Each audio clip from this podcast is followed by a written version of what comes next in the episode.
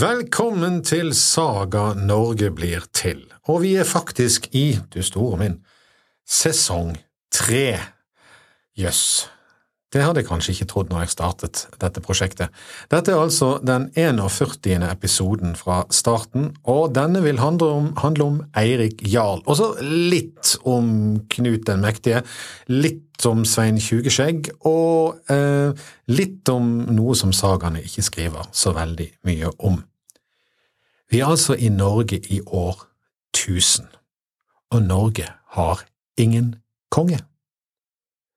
Den siste kongen, Olav Tryggvason, er død, eller forsvunnet, som vi vet. Han er borte etter slaget ved Svolder. Og i hans sted så eh, er det nå jarlene som regjerer.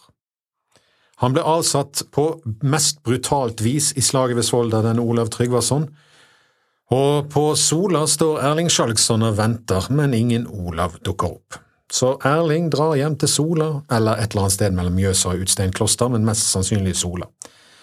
En kan jo lure på hvorfor ikke Erling Skjalgsson dro for å se etter kongen sin, men uten sambandsutstyr, radio og radar var det ikke så lett å vite hvor han skulle leite egentlig.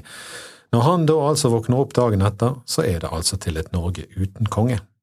Nå er Norge nominelt delt mellom svenskekongen Olof Skjøtkonung og danekongen Svein Tjugeskjegg. Hva skjøtkonung betyr, er det faktisk ingen lenger som vet. Tjugeskjegg betyr gaffelskjegg, som vi husker. På deres vegne styrer nå Eirik Jarl og hans bror Svein Jarl, og de er sønner av salige Håkon Jarl, som måtte lide livet når Olav Tryggvason kom seilende inn fjorden. Deres allierte er stormann Einar Tambarskjelvet i Trøndelag, du vet han med pil og bue. Rast så høyt, herre konge, Norge har din hånd, herre konge, for veik for veik er kongens bue, osv. Danene styrer direkte i Viken, og uten å vite det legger de nå grunnlaget for 70 av de villeste årene i norgeshistorien. I løpet av disse årene skal det Norge som nå er delt mellom daner og sveer, gå fra å være vasallstat til å bli fritt kongerike igjen, for så å tape frihetene til danskene, for deretter å vinne friheten igjen og ta over hele Danmark, miste Danmark igjen og på fullt alvor invadere England. I prosessen skal vi få en helgen, mirakler, seire og nederlag. Ja, og så skal selvfølgelig Bergen bli grunnlagt. Det topper selvsagt både invasjoner av England og overtakelse av Danmark. Men når Olav Tryggvason dør, og Eirik og hans bror overtar den praktiske styringen av Norge som danskekongen og svenskekongens vasaller, eh, vasaller, så møter våre mest kjente sagakilder det med taushet. Tolv år med veldig lite, stort sett taushet. Skulle en tro kongesagaene skjedde der nothing, ingenting, mellom 1000 og 1012-1014, annet enn at Eirik Jarl var litt misfornøyd med at Erling Skjalgsson oppførte seg som han eide Sør-Vestlandet, og et par små tildragelser på Færøyene som mest sannsynlig er kokt opp i ettertid. De som husker godt, vil huske at kong Svein Tjugeskjegg hadde lovet å ta England på et uh, litt uh, vått uh, samråd med blant annet Sigvald Jomsviking. Det er hobbyen hans de neste ti årene etter at han har drept Olav Tryggvason. Og derfor får Norge stort sett være i fred. Det er kanskje det som gjør at sagaskriveren ikke er så opptatt av de 12-13 årene. Eirik, altså Eirik Jarl, Ladejarlen oppe i Trøndelag, han er en fyr med hodet på rett plass, og det har han vist flere ganger. Han viste det allerede ved Gjørungavåg, men ikke minst de 12–13 årene han hersker over Norge. Eirik er den første siden Harald Hårfagre som ser ut til å komme fra det med hodet fortsatt på rett plass, om vi ser bort fra den kjeppjagede Eirik Blodøks. Håkon den gode døde. Harald Gråfell døde. Håkon Jarl døde. Olav Tryggvason døde. Alle satte livet til i sine forsøk på å holde på kongemakten. De døde på jobb med støvlene på og kronen på hodet. Eirik, derimot, er vel den første norske kongen etter Harald Hårfagre som kommer godt fra jobben. Han har en tårn i siden. Den heter Erling Skjalgsson nede på Sola. Som noen kanskje husker, hadde han dratt i forveien da Olav Tryggvason havnet i slaget ved Svolder.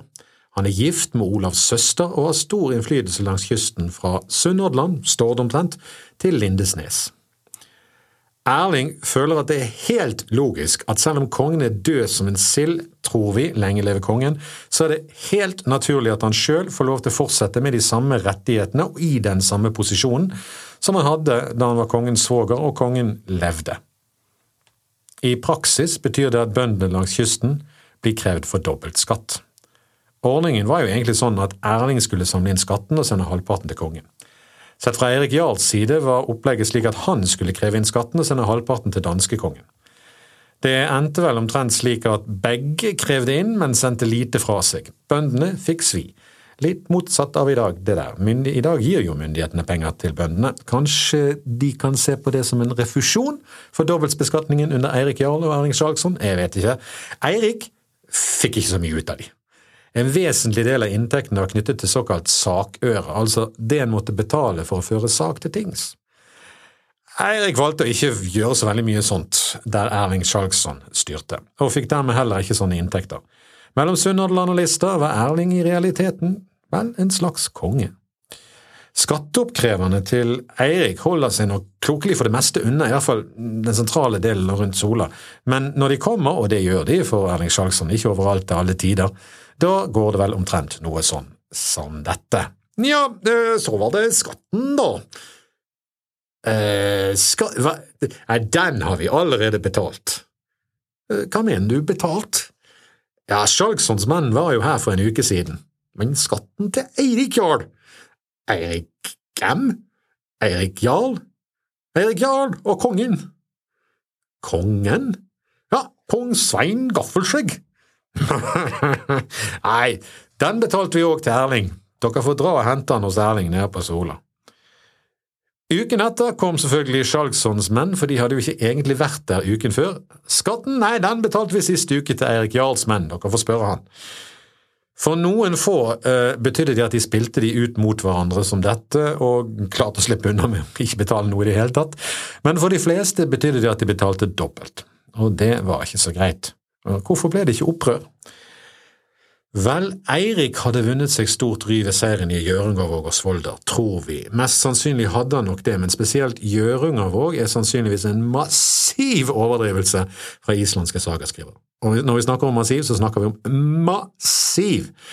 Det er hundrevis av skip som aldri var der, som er der i sagaskrivernes eh, verk.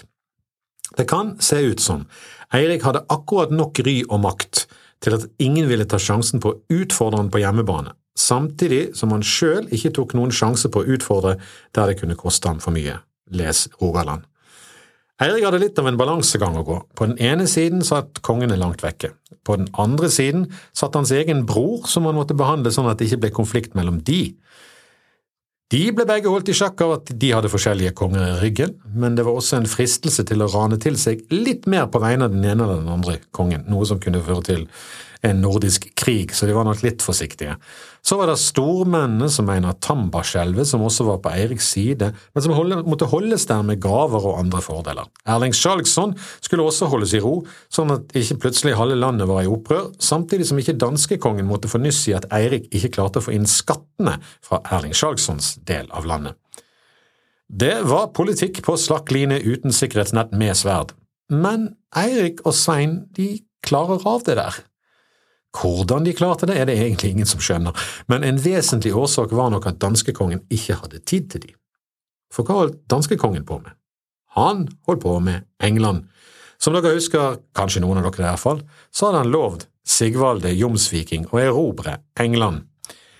I lang tid hadde deler av England vært dansk, den såkalte Danelagen. Da Eirik Blodøks falt og Northumbria ikke lenger var på hans hender, var dette slutt rundt 954. Men der bodde fortsatt mange daner i England. Hvert eneste år fra 997 til 1001, og egentlig de fleste år før det, ble England utsatt for vikingangrep. Olav Tryggvason var med, og Svein Tjugeskjegg likeså. Danegeldbetalingene kostet englenderne dyrt, og det gjorde også plyndringene og drapene som vikingene utførte. I 1002 blir kong Ethelred av England litt paranoid. Eh, og det har han jo til en viss grad grunn til, ettersom han stadig vekk ble angrepet av vikinger. Men han får en eller annen skremmende beskjed fra en person vi ikke helt eh, vet hvem er, men vi kan ha en mistanke. Jeg kommer tilbake igjen til det.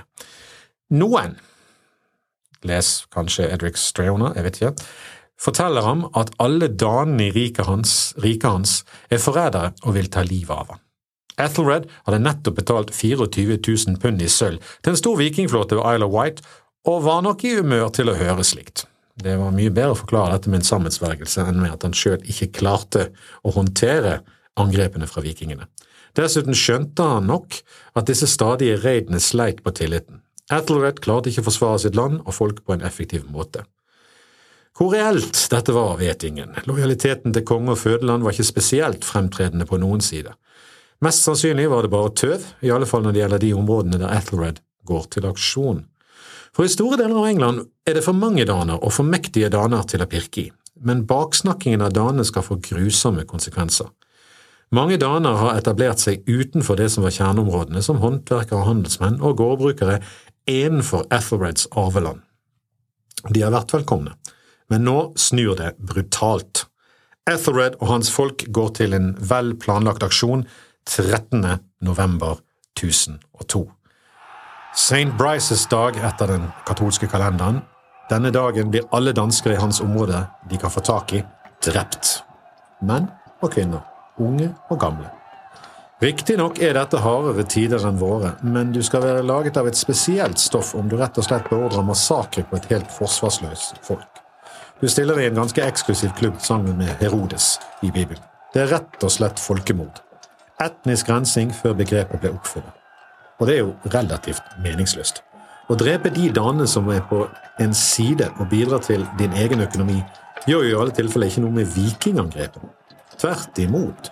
Som vi husker fra Ragnar Lodbrok som ble kastet i ormegraven, og hvis sønner kom tilbake for å hevne han, så skulle du komme til å drepe feil person, så kan det jo få helt motsatt virkning. En kan provosere fram en invasjon.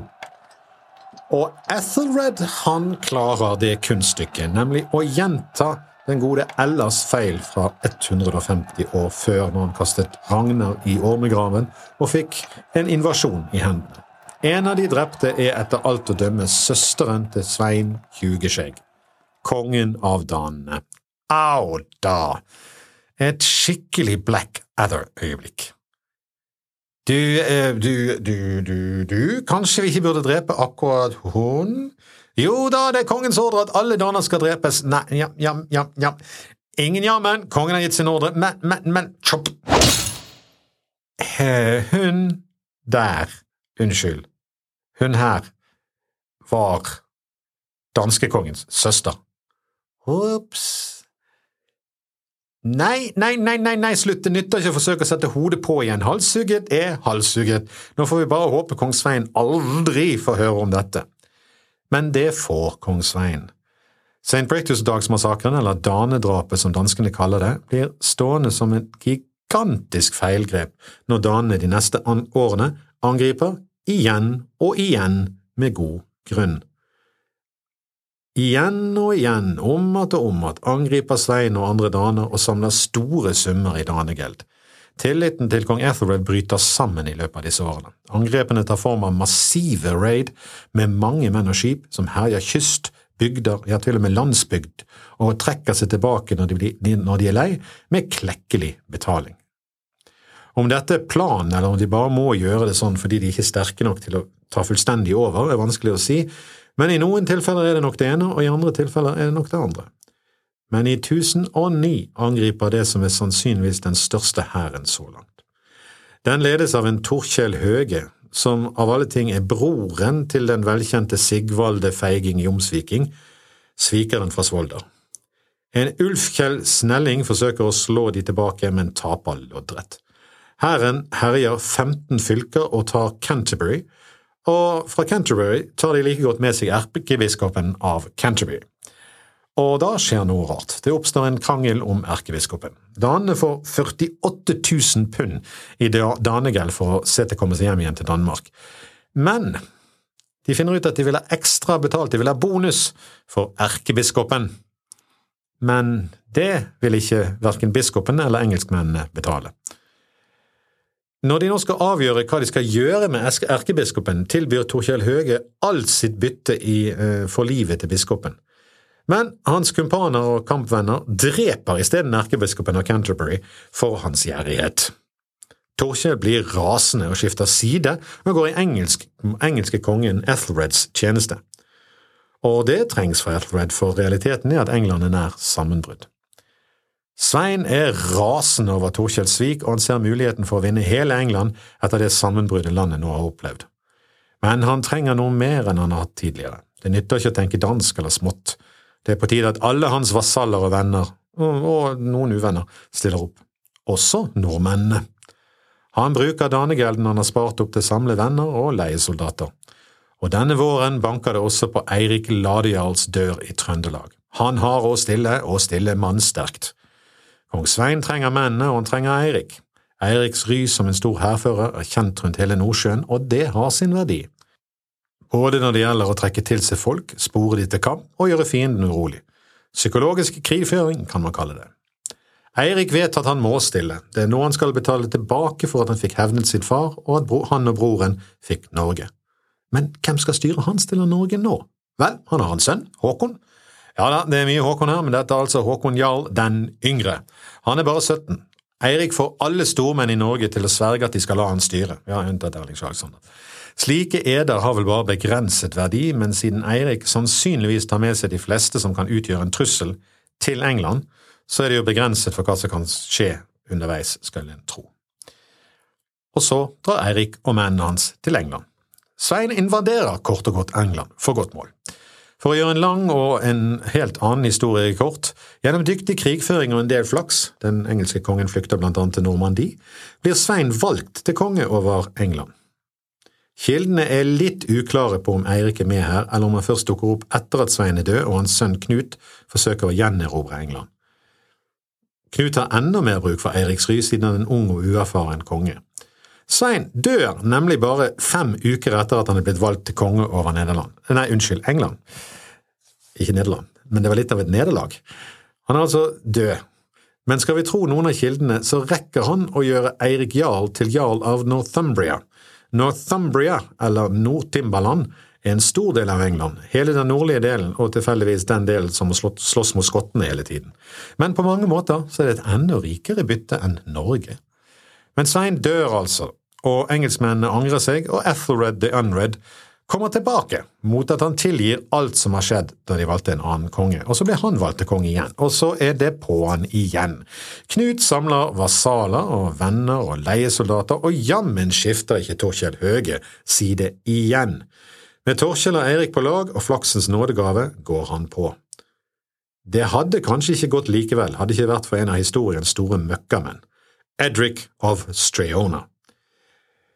Først svikter denne Edric Ethelred, altså sin egen konge, og går over til Knut sånn helt uten videre. Det har nok en sammenheng med at han på en eller annen måte har et forhold til Torskjell Høge og har fått skipene hans, de som han ikke tok med seg til Knut, altså. Så sviker han Knut, altså Edric Streona. Han sviker Knut når, når Ethelred kort tid etter dør, og går over til hans sønn Edmund. I det avgjørende slaget så velger han å ta en Sigvalde. Edric trekker sine menn ut av kampen. Det medfører en slags uavgjort, og Knut og Edmund Ironside, altså sønnen til Ethereld the Unred, avtaler å dele England. Edric av Streona får fortsette som jarl, eller alderman.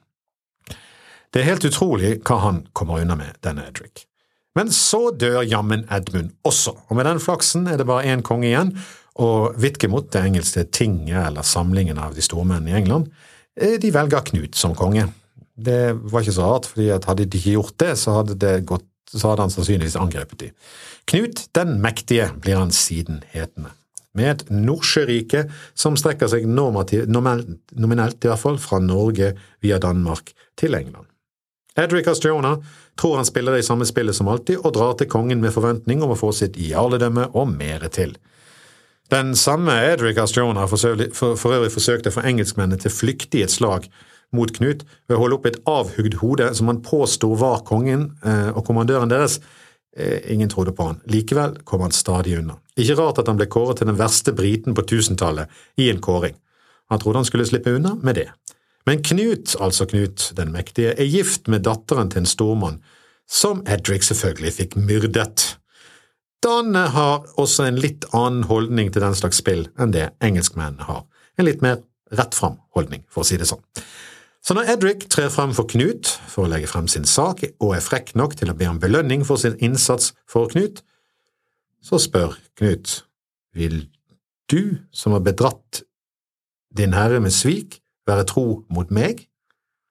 Ja, jeg skal nok betale deg den lønn du har fortjent. Og han roper på trønderen Eirik Jarl. Eirik Jarl, betal den mannen hva vi skylder ham! Eirik gjør litt kort hoderegning og svinger sin toeggede øks og hogger hodet av Edric.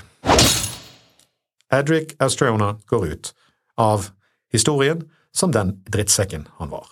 Kildene er nokså usikre heretter. Snorre hevder at Eirik døde like etter, men mest sannsynlig levde han i alle fall til 1023, 1024, kanskje helt til 1030.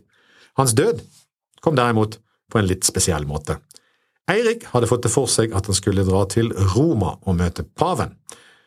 Det er sånt man gjør på denne tiden. Om det var som forberedelse til reisen eller hva det var for noe, men Eirik fikk også den ideen at han skulle fjerne drøvelen for sikkerhets skyld.